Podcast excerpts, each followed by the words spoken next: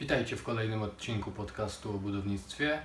W tym tygodniu w tym tygodniu będzie ciężki temat, ciężki orzech do zgryzienia. Mówimy o umowie deweloperskiej na podstawie ustawy deweloperskiej. Sporo czytania, więc przygotujcie się na moje dukanie, e, żeby troszkę rozluźnić e, ten niewątpliwie ciężki odcinek dla tych, którzy oglądają, e, a nie słuchają tylko tego podcastu. mm, Nieco luźniejszy strój. Poza tym jutro mm, zaczyna się długi e, weekend, w związku z czym rozumiecie, że już szykuję się na w czasy. Mm, No nic. Trochę przydługi wstęp. Zaczynamy. Ok, tak jak wspomniałem, przed nami umowa deweloperska. Mm, Jesteśmy zobowiązani ją podpisywać e, z powodu ustawy deweloperskiej, która weszła w życie, jak to się mówi na mieście, z powodu mm, lokali, które nigdy nie zostały e, oddane do użytkowania. Chodzi o to, żeby chronić prawa e, kupujących, żeby chronić kupujących, chronić Was, gdy kupujecie lokale. I tam mamy wszystko bardzo szczegółowo opisane. Tak, w 19 stronach da się zawrzeć wszystkie zapisy, które Was mają ochronić. Pewnie ona się wydłuży z czasem, ale uwaga, 14 stron to jest e, tekst, a kolejnych 5 stron to jest e, wzór prospektu informacyjnego, do tego wrócimy. No ale dobra, skupmy się na umowie deweloperskiej. Dlaczego w ogóle podpisujemy umowę deweloperską? Umowa deweloperska jest podpisywana w formie aktu notarialnego i w momencie, kiedy em, podejmujemy decyzję o zakupu nieruchomości, kupujemy tak naprawdę fragment ziemi. E, W akcie notarialnym stajemy się współwłaścicielem e, gruntu. Tak naprawdę dostajemy wycinek, procent, e, ułamek gruntu, na którym stoi budynek i stajemy się jego właścicielem. To ma nas zabezpieczać na wypadek, gdy- gdybyśmy wpłacili pieniądze, budynek nie zostałby wybudowany, jesteśmy właścicielami, mamy co do tego prawo. Ustawa deweloperska oczywiście opisuje wiele różnych e, sytuacji, zagadnień, mm, e, jak powinna wyglądać sytuacja dewelopera. E, Będę się posiłkował moim e-bookiem, ponieważ tam zawarłem rozdział, rozdział, który oczywiście nazywa się umowa deweloperska. No i najważniejsza zasada, mm, umowę deweloperską należy przeczytać. Zwykle to jest kilka stron, ale oczywiście ktoś się może rozpisać, stworzyć kilkanaście. Umowy deweloperskiej, którą podpisujecie, znajdą się zapisy niekorzystne, to one z automatu są zastępowane przez zapisy właściwe z ustawy deweloperskiej. No, oczywiście ktoś może wpisać jakąś durnotę, którą e, wy niestety na przykład podpiszecie, bo się nie znaliście. Natomiast w sytuacji spornej, kiedy będziecie chcieli dochodzić swoich praw, to ten zapis, który podpisaliście z automatu jest nieważny, zastępowany właściwym zapisem z ustawy deweloperskiej. Oczywiście w ustawie deweloperskiej są pewne kruczki, na które trzeba zwracać uwagę, których należy się wystrzegać. To są tak zwane klauzule zakazane.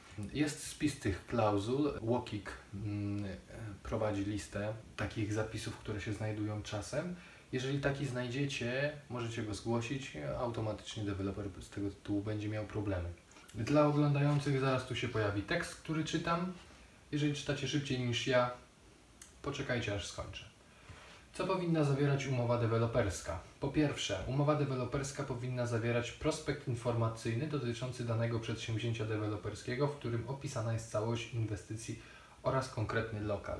Prospekt informacyjny omówimy sobie szczegółowo w oddzielnym punkcie, natomiast najważniejsze w naszej e, umowie deweloperskiej jest właśnie to, ponieważ w prospekcie będą wszystkie istotne informacje, które dotyczą naszego lokalu.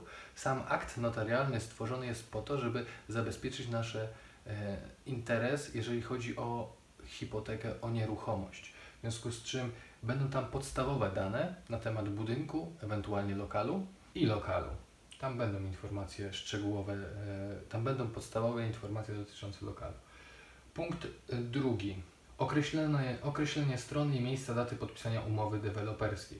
Standard. musimy się wylegitymować z dowodu, imię, nazwisko zostanie spisane, numer dowodu, miejsce, data sporządzenia, tak samo po drugiej stronie mamy mm, dewelopera, mm, którego e, spółkę ktoś będzie reprezentował, czy to będzie jeden, dwie osoby, nie wiem, ciężko mi powiedzieć, zależy od tego, jaką ma formę prawną. No i oczywiście notariusz. Kolejna ważna e, rzecz, cena nabycia lokalu. No i tutaj przy cenie nabycia, nabycia lokalu warto zwrócić uwagę, żeby ta cena była podana na przykład za metr kwadratowy razy powierzchnia i dopiero cała wartość. Żeby istniał, istniała przesłanka, że płacicie za metry kwadratowe. W sytuacji, kiedy budynek zostanie wybudowany mniejszy albo większy, to wtedy na Waszą niekorzyść, ale kiedy zostanie wybudowany mniejszy, to na Waszą korzyść będzie e, przeliczenie z metra kwadratowego, ponieważ w sytuacji, kiedy wpiszemy od razu pełną sumę, no to niejako umawiamy się, że za, za lokal, który dostajecie, macie zapłacić konkretną sumę. Przy mieszkaniach jest to mniej istotne, natomiast przy domu, gdzie tak naprawdę kupujemy działkę, na której ktoś wybuduje dom i ten dom jest jakby drugą składową zakupu, często te domy wybudowane są mniejsze, zwykle przy segmentach tak się dzieje. Umówiliśmy się na konkretną sumę i za konkretną sumę to kupujemy.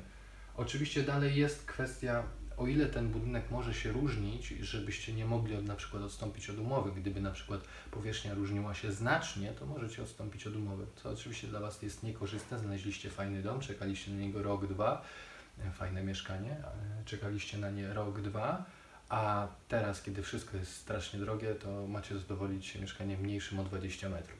Kolejny punkt czwarty. Informacja o powierzchni działki, stanie prawnym nieruchomości, w szczególności oznaczenia właścicieli lub użytkowników wieczystych, istniejących na niej obciążeń hipotecznych i służebnościach.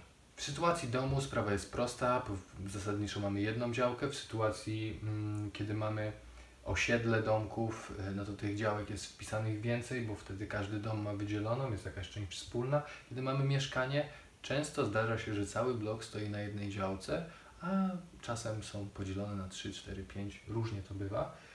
Więc wszystkie informacje na temat tych działek tam się mogą znajdować. Mówię o tym, ponieważ mm, czytając taką e, umowę, możecie nagle spojrzeć, ile tych działek. Może się zdarzyć, że będzie jedna, może się zdarzyć, że będzie kilka. Na to nie ma reguły, ale to nie jest e, problem. Po prostu będzie więcej informacji do przeczytania. Tam będzie kwestia stanów prawnego nieruchomości, czy w stosunku do niej są prowadzone jakieś postępowania e, spadkowe, cokolwiek, czy są wpisani tam jacyś właścicieli, właściciele, użytkownicy wieczyści. Często e, są takie zabawne sytuacje, jak kupujemy działkę z domem i w tym domu okazuje się, że jest zameldowany ktoś. Ktoś, kto tam będzie mieszkał do śmierci i kupujemy działkę z kimś. I następnie obciążenia hipotecznej służebności. Hipoteczne to znaczy, że na przykład no jest hipoteka założona, ktoś wziął na to kredyt, y, są jakieś obciążenia, długi, komornik, cokolwiek. Różne sytuacje się mogą zdarzyć. Deweloperzy zwykle mają te sprawy wyprostowane, no ale trzeba na to zwrócić uwagę, bo nigdy nie wiadomo na co się trafi. I istotna kwestia przy służebnościach. Ja sam na własnej działce mam coś takiego, że metr przed budynkiem mam służebność. Nie tyle, że ktoś może po niej przejść, przejechać, bo są też i takie sytuacje, że na przykład mamy kawałek drogi i mamy w niej służebność przejazdu dla kolejnych mieszkańców, przejścia i przejazdu. U mnie chodzi na przykład o służebność linii kablowej energetycznej. Po prostu od frontu mojej działki przebiega kabel i on tamtędy zawsze będzie przebiegał i ja kupując działkę zgadzam się, że on tam jest. To jest po prostu informacyjnie, tak? E, Może tam przez działkę biec e, gaz, gazociąg, cokolwiek. I po prostu taka informacja tam się znajduje, że na rzecz gestora sieci udzielamy służebności na naszej działce. Piąty punkt. Określenie położenia oraz istotnych cech budynku, w którym ma znajdować się lokal mieszkalny, będący przedmiotem tej umowy, co uznać za istotne. Tutaj już mój dopisek. Mm, No bo co to jest coś istotnego, prawda? Wymiary, kubatura, powierzchnia, liczba kondygnacji, lokali, lokali usługowych, parking, śmietnik.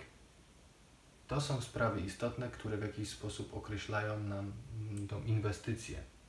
Oczywiście te wszystkie informacje, które ja tutaj podaję, powinny znajdować się w, według mnie, taką jaką ja spisałem swoją własną prywatną umowę, powinny się tam znajdować. Oczywiście każda umowa wygląda inaczej, nie muszą się tam znajdować, natomiast jeżeli e, chcecie posiadać taką wiedzę, to ustawa deweloperska gwarantuje Wam dostęp do dokumentacji technicznej. Możecie y, na miejscu dewelopera ją przejrzeć, bądź na życzenie dostać kopię, mm, czy to ksero, czy jakimś nośniku elektronicznym, przesłane na maila, bez różnicy. Macie prawo do, do tego wglądu. Następny szósty punkt. Określenie usytuowania lokalu mieszkalnego w budynku. Kondygnacja, ekspozycja na stronę świata. Chodzi o to, żebyście wiedzieli, gdzie konkretnie będzie znajdował się Wasze mieszkanie, Wasz dom. Żebyście wiedzieli, jakie ma strony świata, czy będziecie mieli nasłoneczniony lokal, czy przypadkiem okna nie wychodzą na ulicę, czy na śmietnik. Takie różne ciekawe, e, ważne e, informacje. I co też jest ważne, żeby właśnie na tym etapie jednak zajrzeć w tą dokumentację, poprosić o jej kopię, ponieważ często mm, kiedy podpisujemy umowę na wczesnym etapie, kiedy budynek tak naprawdę jest dopiero wybudowy, dopiero jest rozpoczęta budowa, o co chodzi, żebyście mieli wgląd w tą dokumentację, ponieważ na etapie budowy są często wprowadzane pewne mniej e, bądź bardziej istotne e, zmiany, które mogą mieć wpływ na to, gdzie na przykład będzie znajdował się śmietnik, gdzie będzie znajdowało się e, ogrodzenie, otoczenie, czy jednak powstanie plac zabaw, czy nie. Kolejny punkt, siódmy. Określenie powierzchni układu pomieszczeń oraz zakresu i standardu prac wykończeniowych, do których wykonania zobowiązuje się deweloper. I tutaj o co chodzi? Nie? Rodzaj tynków, kategoria, grubość. Grubość w teorii rozumie się sama przez się często jej nie wpisują, ale ba, e, są deweloperzy, którzy nie podają kategorii tynku. No i potem pytanie, no dwójka, trójka, jest pewna różnica. Standardem jest, że dostajemy kategorii tynki trzeciej. Czy łazienka będzie otynkowana, rodzaj, grubość posadzek. Często się nie podaje mm, grubości posadzek. I wróćmy jeszcze do elementu, czy łazienka będzie otynkowana. Otóż ważne. Bywałem na inwestycjach czołowych deweloperów, którzy nie tynkowali łazienek. Nie był to błąd. W momencie, kiedy będziemy na to przyklejać płytki, tak naprawdę strata czasu, żeby to tynkować, no bo po co nam tam tynki. Rodzaje okien, ilość szyb, komór plastikowe czy drewniane, to są ważne informacje dla Was. I zwykle w takim miejscu od razu jest napisane, ile e, okien w jaki sposób się będzie otwierało. Zwykle jest taki ponury zapis, że przynajmniej jedno okno w pomieszczeniu będzie miało funkcję uchylną. E, Parapety zewnętrzne, wewnętrzne, czy będą wykonane? Oczywiście zewnętrzne będzie wykonane, ale z czego? Balustrady zewnętrzne, z jakiego materiału? Czy przeszklone, czy pełne? Posadzka balkonu i tarasu. Bywają różne standardy. O tym rozmawialiśmy przy okazji odcinku o posadzkach. Może w ogóle nie być płytek, może być wylewka, co jest najgorszym rozwiązaniem. Mogą być płytki klejone bądź płytki na dystansach. Rodzaj wentylacji. Standardem w budynkach y, mieszkalnych jest wentylacja mechaniczna, dodatkowo do okapu y, wyciągowa. Tutaj jest ważna uwaga tak naprawdę dla kupujących domy bądź segmenty, żeby sprawdzić jaka będzie wentylacja, czy na przykład w kuchni na pewno będziemy mieli możliwość podłączenia okapu. Detale. Tam y, w domach zwykle jest grawitacyjna. Rodzaj zakończenia elektryki. W standard deweloperski w mieszkaniach to już są obsadzone gniazdka, natomiast w mniejszych inwestycjach często tego nie ma. Y, W domach, segmentach bardzo często nie ma mm, zakończenia elektryki. Problem polega wtedy na tym, że nie jesteśmy w stanie zweryfikować, czy wszystkie kable są poprawnie poprowadzone, czy wszędzie dochodzi prąd. Jak będą prowadzone instalacje, na przykład wodne, naściennie, czy jednak e, podtynkowo. I na tym etapie warto wyciągnąć od dewelopera rzuty z zaznaczonymi punktami instalacji. Często oni do umowy wrzucają taki bardzo prosty rzut, który potem ich do niczego nie zobowiązuje. Tam nie ma wymiarów, jest tylko powierzchnia. Tragedia. Ale są też deweloperzy, którzy dają bardzo szczegółowo wszystko na oddzielnych rzutach, czasem wszystko na jednym rzucie. Mówiłem o tym przy okazji. I tutaj jest ważna rzecz też, koniecznie normy, e, według których e, należy potem odbierać lokal, według których e, ten lokal będzie wykonywany. Termin przeniesienia na nabywcę prawa do lokalu. Zwykle dopisują sobie pół roku, rok dłużej niż planują, Mm, no ale to jest dla nas ważne, do kiedy ostatecznie zostanie wybudowany budynek. Wysokość i termin lub warunki spełnienia świadczeń pieniężnych przez nabywcę na rzecz dewelopera. Czy w 100% przenosimy na koniec, yy, że zaliczka, którą wpłacamy jest na poczet, że po drodze trzeba coś wpłacać. Są różne e, sytuacje, różne e, są transze rozbite tych kredytów.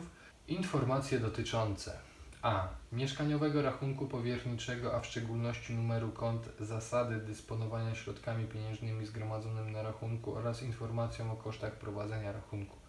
B. Gwarancji bankowej, w szczególności nazwą banku, gwarantowaną kwotą oraz terminu obowiązywania gwarancji albo gwarancji ubezpieczeniowej, w szczególności nazwą ubezpieczyciela, gwarantowaną kwotę oraz termin obowiązywania gwarancji. To wszystko są ważne informacje, z których nikt normalny nic nie zrozumie. Są różne rodzaje rachunków powierniczych. Chodzi o to, czy y, na przykład mamy kapitał, który na rzecz y, wybudowania tego budynku lokujemy na rachunku i to jest y, najlepsza sytuacja, tak? Wtedy budują za własne pieniądze. Y, druga opcja to kiedy bank nam kredytuje inwestycje, tam zwykle powiedzmy 75% pochodzi z y, innego źródła, no i oni tam y, regularnie dopłacają w zależności od tego, jak bardzo budynek został już zaawansowany, w- jak bardzo do, w zależności od zaawansowania budowy. I potem jest tak oczywiście informacja o tym, jak należy dysponować tymi środkami, mm, po jakim procencie, to co powiedziałem, tak? Gwarancje bankowe, że to zostanie wybudowane, bądź ubezpieczeniowe, że gdyby nie zostało wybudowane, to należy nam się zwrot pieniędzy, które już wpłaciliśmy, tak? Jakakolwiek sytuacja, to, to, ktoś, to, to ktoś to gwarantuje. Numer pozwolenia na budowę oraz oznaczenie organu. Ważne, ponieważ mm, na podstawie daty wydania pozwolenia na budowę jesteśmy w stanie mm, kopii decyzji. E, Tam jest masa ważnych informacji, jak to kiedy zostało e, rozpoczęte postępowanie o pozwolenie na budowę. To ma wpływ na różne rzeczy, które ja później odbieram, o których mam nadzieję, że już usłyszeliście w poprzednich odcinkach. Jeżeli nie, to czas nadrobić. I to, co jest najważniejsze na tym etapie, czy pozwolenie e, na budowę, decyzja o pozwoleniu na budowę została zaskarżona, czy jest ostateczna. Ponieważ mm, to, że ktoś ma decyzję, ale ona została zaskarżona, to decyzji nie ma, bo dopóki zaskarżona decyzja nie zostanie rozpatrzona, yy, skarga zostanie odrzucona bądź przyjęta, no to wiele się może wydarzyć, budynek może nawet nie powstać. I tutaj też moja adnotacja z e-booka. W sytuacji, kiedy odbieramy lokal, y, wtedy jest kolejna decyzja urzędowa, która również podlega ewentualnemu zaskarżeniu. Decyzja pozwolenia na użytkowanie. Odbieramy tylko z ostateczną, niezaskarżoną decyzją pozwolenia na użytkowanie. Nigdy przed wydaniem decyzji, a już na pewno e, kiedy to się strasznie przedłuża. Czasami są wydawane jakieś projekty zamienne, jest masa sytuacji, to się wszystko ciągnie i musicie na to uważać. Jeżeli macie wątpliwości, naprawdę przeczytajcie, zaznaczcie sobie i niezrozumiałe fragmenty. Niech tłumaczy deweloper, niech tłumaczy e, e, notariusz, a jeżeli oni Wam tego nie potrafią wytłumaczyć, to przyjdźcie do mnie, ja mam troszeczkę więcej cierpliwości i mówię chyba zrozumiałym językiem, a jak nie, to się postaram. Termin rozpoczęcia i zakończenia prac budowlanych wraz z zamkniętym katalogiem dopuszczalnych powodów przesunięcia terminu zakończenia realizacji inwestycji. Tego drugiego członu nie dodają prawie w żadnej umowie. Ponieważ o ile wskazanie terminu, kiedy oni rozpoczną i zakończą, jest proste, po zakończeniu budowy dodają sobie jeszcze pół roku przeniesienie praw, na przykład albo rok. Natomiast powody, dla których to się może przesunąć, no, ja nie widzę realnie żadnego powodu, dla którego mogłoby się przesunąć. Co, pandemia koronawirusa? No, już ją mieliśmy, dajcie spokój. E, Kolejny, czternasty już punkt. Określenie warunków odstąpienia od umowy deweloperskiej, a także warunków zwrotu środków pieniężnych wpłaconych przez nabywcę. Bardzo ważny punkt, ponieważ może zmienić się Wasza sytuacja finansowa, możecie chcieć wyjechać, nie potrzebujecie tego lokalu, wycofuję kasę. Ba, może się okazać, że e, straciliście zaufanie do dewelopera, że znaleźliście ciekawsze mieszkanie, że jednak e, wiele rzeczy i chcecie to wypłacić. 15 punkt. Określenie wysokości odsetek i kar umownych dla obu stron. Umowy deweloperskie. Odsetki i kary mogą być wpisane dla obu stron albo wcale. To jest ważne, ponieważ mm, to, że porówno każdego należy obciążać, to jest uczciwe, niestety, ale deweloper e, płaci, to i wy musicie. Wskazanie sposobu pomiaru powierzchni lokalu z podaniem normy, o czym już mówiłem wcześniej, wyszczególnioną zasad, według których liczona jest powierzchnia, przykład karygodne liczenie ścianek działowych jako powierzchnia użytkowa. O tym mówiłem, pisałem, jest dostępny fragment z mojego e-booka pod tytułem Drobnym druczkiem, gdzie wyjaśniam, jak na razie ludzie mówią, że bardzo łopatologicznie, dlaczego to jest niedozwolona praktyka według moich standardów. I jak widzicie już na tym etapie, zanim podpiszecie umowę, jesteście w stanie zweryfikować, czy macie do czynienia z uczciwym deweloperem, czy z naciągaczem delikatnym. Ponieważ ta praktyka jest powszechna, nie ma na to yy, przepisu, który by im tego zabraniał, no ale niestety możemy tylko okazać nasz brak poparcia dla takiej decyzji. Oświadczenie nabywcy o odbiorze prospektu informacyjnego wraz z załącznikami i zapoznaniu się przez nabywcę z ich treścią, w tym poinformowaniu nabywców przez dewelopera o możliwości zapoznania się z dokumentami. Prospekt informacyjny zaraz bardzo dokładnie przerobimy. Natomiast cała reszta, tak jak mówiłem, z jakimi dokumentami? Pozwolenie na budowę, z projektem budowlanym. Termin i sposobu zawiadomienia nabywcy o odbiorze lokalu. Warto, żeby to było na przykład 14 dni, ponieważ no, aktualnie mamy dość luźny okres, jeżeli chodzi, dlatego nagrywam ten podcast, jeżeli chodzi o odbiory, ale zwykle w takim y, normalnym czasie y, to 14 dni to jest taki dobry czas, żeby się ze mną umówić. Więc jeżeli planujesz odebrać mieszkanie ze mną, to już na tym etapie poproś go, żeby dał Ci więcej czasu. Informacje o zgodzie banku lub innego wierzyciela zabezpieczonego hipoteką na bezobciążeniowe wyodrębnienie lokalu mieszkalnego i przeniesienie jego własności po wpłacie pełnej ceny przez nabywcę, jeżeli takie obciążenie istnieje, albo informacje o braku takiej zgody, albo informacje o zgodzie banku lub innego wierzyciela. Zatrzymajmy się tutaj. W zależności od tego, w jakiej sytuacji jest działka, jak zostały sporządzone umowy, e, to banki dają lub nie dają kredytów.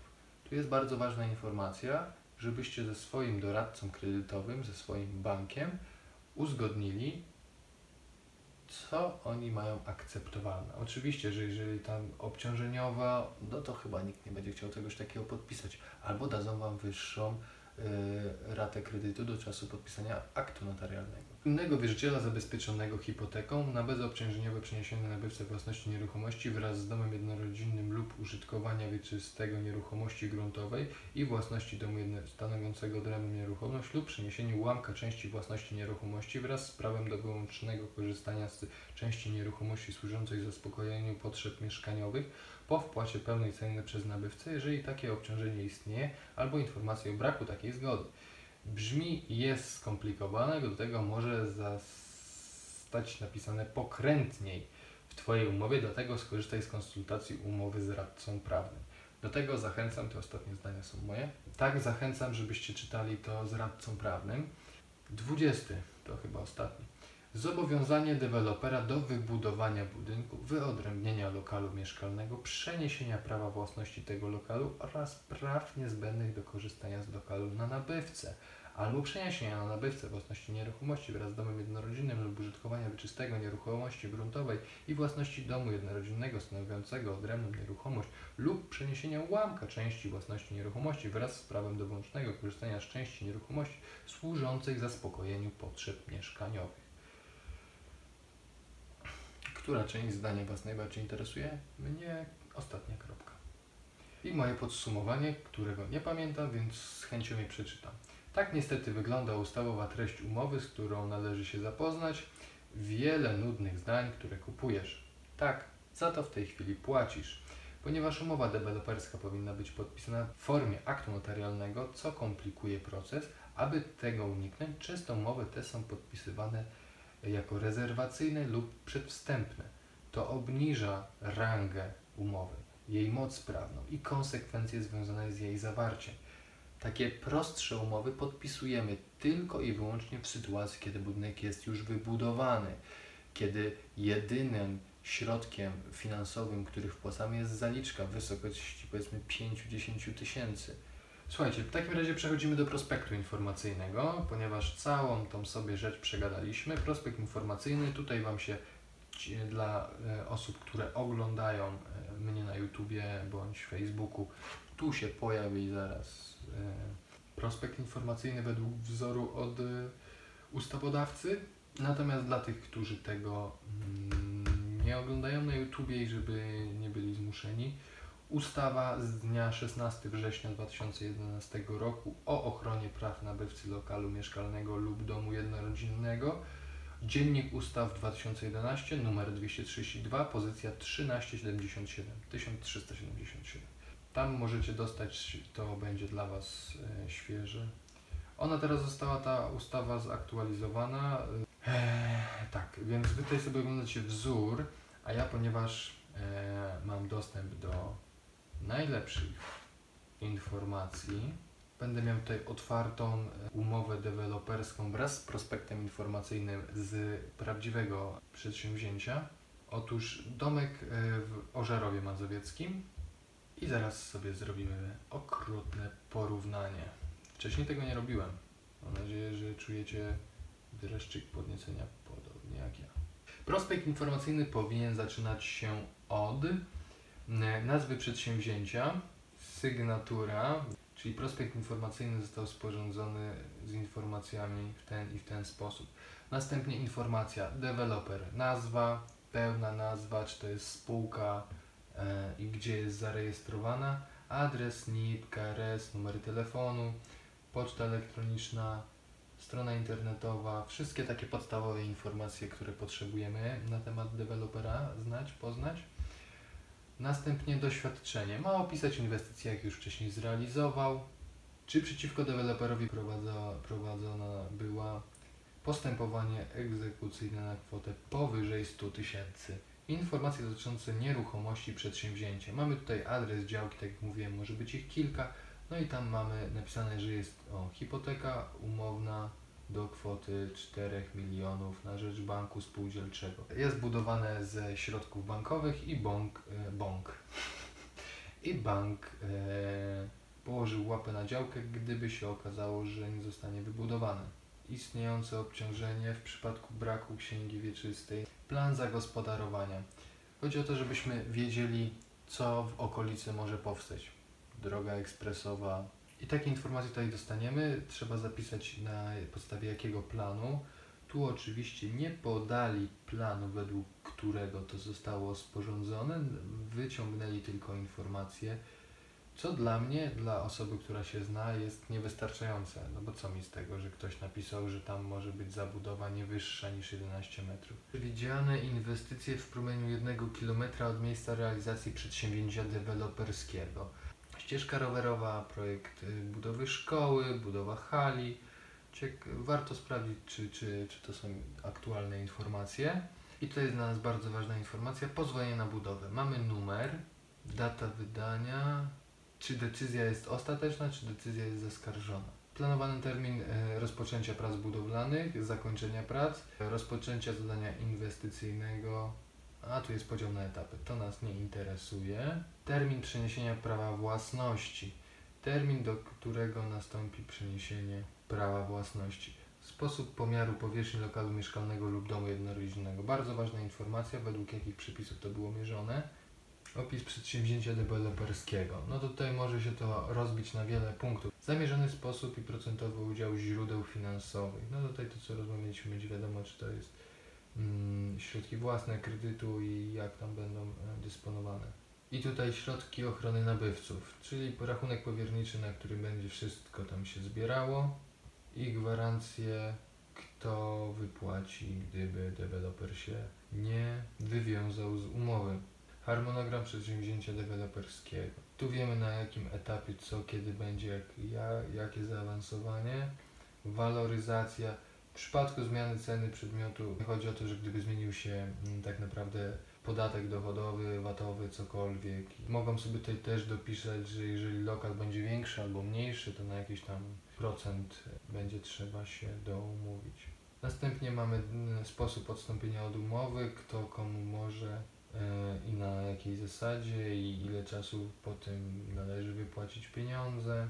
I możemy sobie wtedy też zajrzeć. Aktualna księga wieczysta, tak żebyśmy nie musieli płacić za wgląd do księgi wieczystej Ko kopia KRS-u, kopia pozwolenia na budowę, sprawozdanie finansowe mm, dewelopera, jeżeli w ogóle jesteśmy w stanie cokolwiek z niego wyczytać, ale warto mieć niż nie mieć i projekt architektoniczny.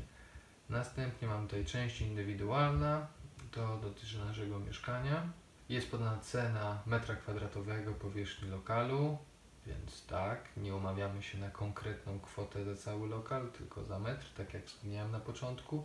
No i jest opis, tak, ile będzie miał kondygnacji, jeżeli mówimy o domu na przykład, chociaż mogą być na przykład dwupiętrowe mieszkania, technologia, standard prac, liczba lokali, liczba miejsc, dostęp do mediów, dostęp do drogi, określenie usytuowania lokalu mieszkalnego w budynku, jeżeli przedsięwzięcie deweloperskie dotyczy lokali mieszkalnych, określenie powierzchni układu pomieszczeń oraz zakresu i standardu prac wykończeniowych, do których deweloper się zobowiązuje. No i on tutaj powinien opisać tak, że strop będzie taki, dach będzie taki, izolacja, okna, to o czym już wcześniej gdzieś mówiliśmy, albo tu, albo w poprzednich odcinkach i to tyle. Oczywiście załącznikiem ma być rzut kondygnacji z zaznaczeniem lokalu mieszkalnego. Czyli tak naprawdę mm, może być bardzo podstawowy, natomiast Wy macie prawo e, prosić o projekt budowlany, który zawiera wszystkie niezbędne informacje. No to co? To by było na tyle, tak? Skończyliśmy. Słuchajcie, tego jest czwartek. Mam nadzieję, że słuchacie od razu, jak to wrzuciłem. E, w każdym razie, jeżeli tak, to macie czas przygotować się na moją kolejną kampanię marketingową, która rozpocznie się w poniedziałek. Otóż okazuje się, że moi klienci są zdziwieni, że ja mogę im pomóc przy remoncie. Nie, nie wykonuję remontu, ale sprawdzam, czy ktoś go wykonuje dobrze. Mm, Więc ruszam z taką kampanią, ażeby ludzi poinformować, że tak, owszem, jestem tu. No cóż, znowu zapomniałem poprosić o subskrypcję, jeżeli to Ci się podobało. Wiem, nudny odcinek. Zasubskrybuj, przekonaj się, że kolejny będzie lepszy. Mm, Co jeszcze? Łapka w górę, tak, że Ci się podobało, subskrypcja i komentarz, jeżeli Mm, Tak jak wspomniałem, e, na przykład e, chciałbyś pojawić się w odcinku i pogadać ze mną o, o rzeczach, o których ja mogę mieć mniej e, pojęcia niż ty, albo daj znać, o czym chciałbyś się dowiedzieć e, ode mnie, żebym przyspieszył może jakiś odcinek. Mm, Bo kolejny odcinek będzie na przykład o rękojmi. Gwarancje, postępowanie w sytuacjach, kiedy coś się wydarzyło, e, kiedy wykonaliście odbiór sami, a coś wyszło, kiedy wykonaliście odbiór z kimś innym niż ja i coś wyszło. Jest 22, ja muszę teraz to jeszcze zmontować i rano wrzucić to Wam na wszystkie kanały. Do zobaczenia za tydzień, jak co tydzień. Będę tam z Wami, tutaj przed Wami w tym ekranie. Też myślę o takim ciekawszym akcencie, ponieważ tak jak widzicie ten odcinek e, jest dość nudny i domyślam się, że kto wysłuchał cały jest naprawdę... e, Jestem pełen podziwu dla niego e, albo dla niej.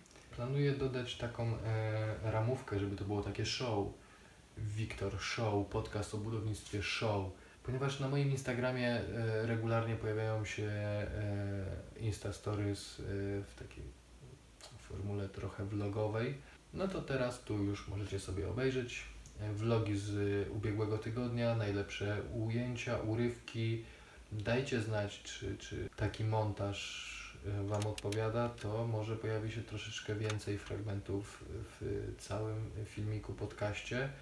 Mm, Oczywiście tych, którzy wolą e, słuchać niż oglądać, e, przepraszam, no ale mam takie moje małe zboczenie, że lubię montować filmy dla słuchających. Mam nadzieję, że jakość dźwięku była super i że zobaczymy się za tydzień. Cześć!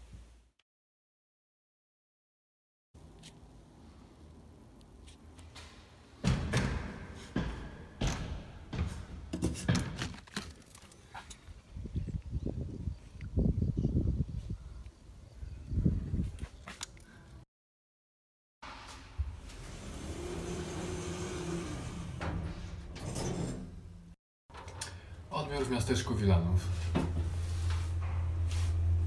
Potrzebujecie numer do jakiegoś fachowca? Pozdrawiam.